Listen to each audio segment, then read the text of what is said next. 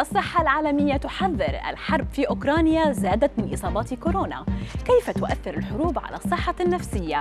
هوس الحميات الغذائية. انتشار يتجاهل المخاطر الصحية. أبرز أخبار الساعة الأربع والعشرين الماضية في دقيقتين على العربية بودكاست. حذرت منظمة الصحة العالمية من أن الحرب في أوكرانيا تسبب في انتشار أوسع لفيروس كورونا. وأشار المدير العام لمنظمة الصحة العالمية أن أوكرانيا شهدت زيادة كبيرة في عدد الحالات المصابة بالفيروس التاجي خلال الهجوم الروسي.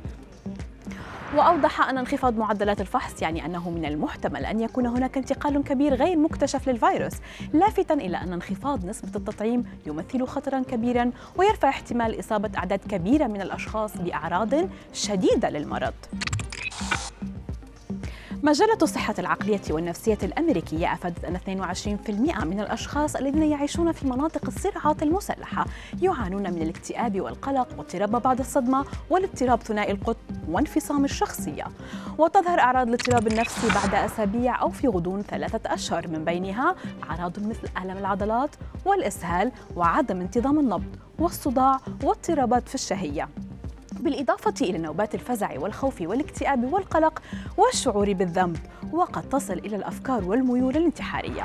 وأظهرت الدراسات أن الأطفال والأسر الذين يعيشون في مناطق الحرب أو الذين يفرون منها معرضون بشكل متزايد لخطر المعاناة من مشاكل الصحة العقلية.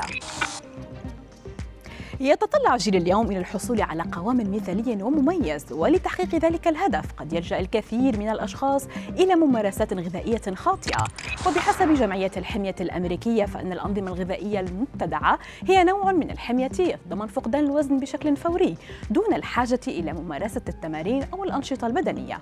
ولكنه لا يعتمد على أدلة علمية واضحة وبالتالي يعتبر نظاما غذائيا غير آمن ويمكن أن يزيد من خطر الإصابة بحالات صحية مثل تلف الكلى واضطراب السوائل في الجسم. وينصح خبراء التغذية باتباع نظام غذائي متوازن. يتضمن جميع العناصر الغذائية بما في ذلك الأطعمة المفضلة ولكن بكميات قليلة دون حرمان.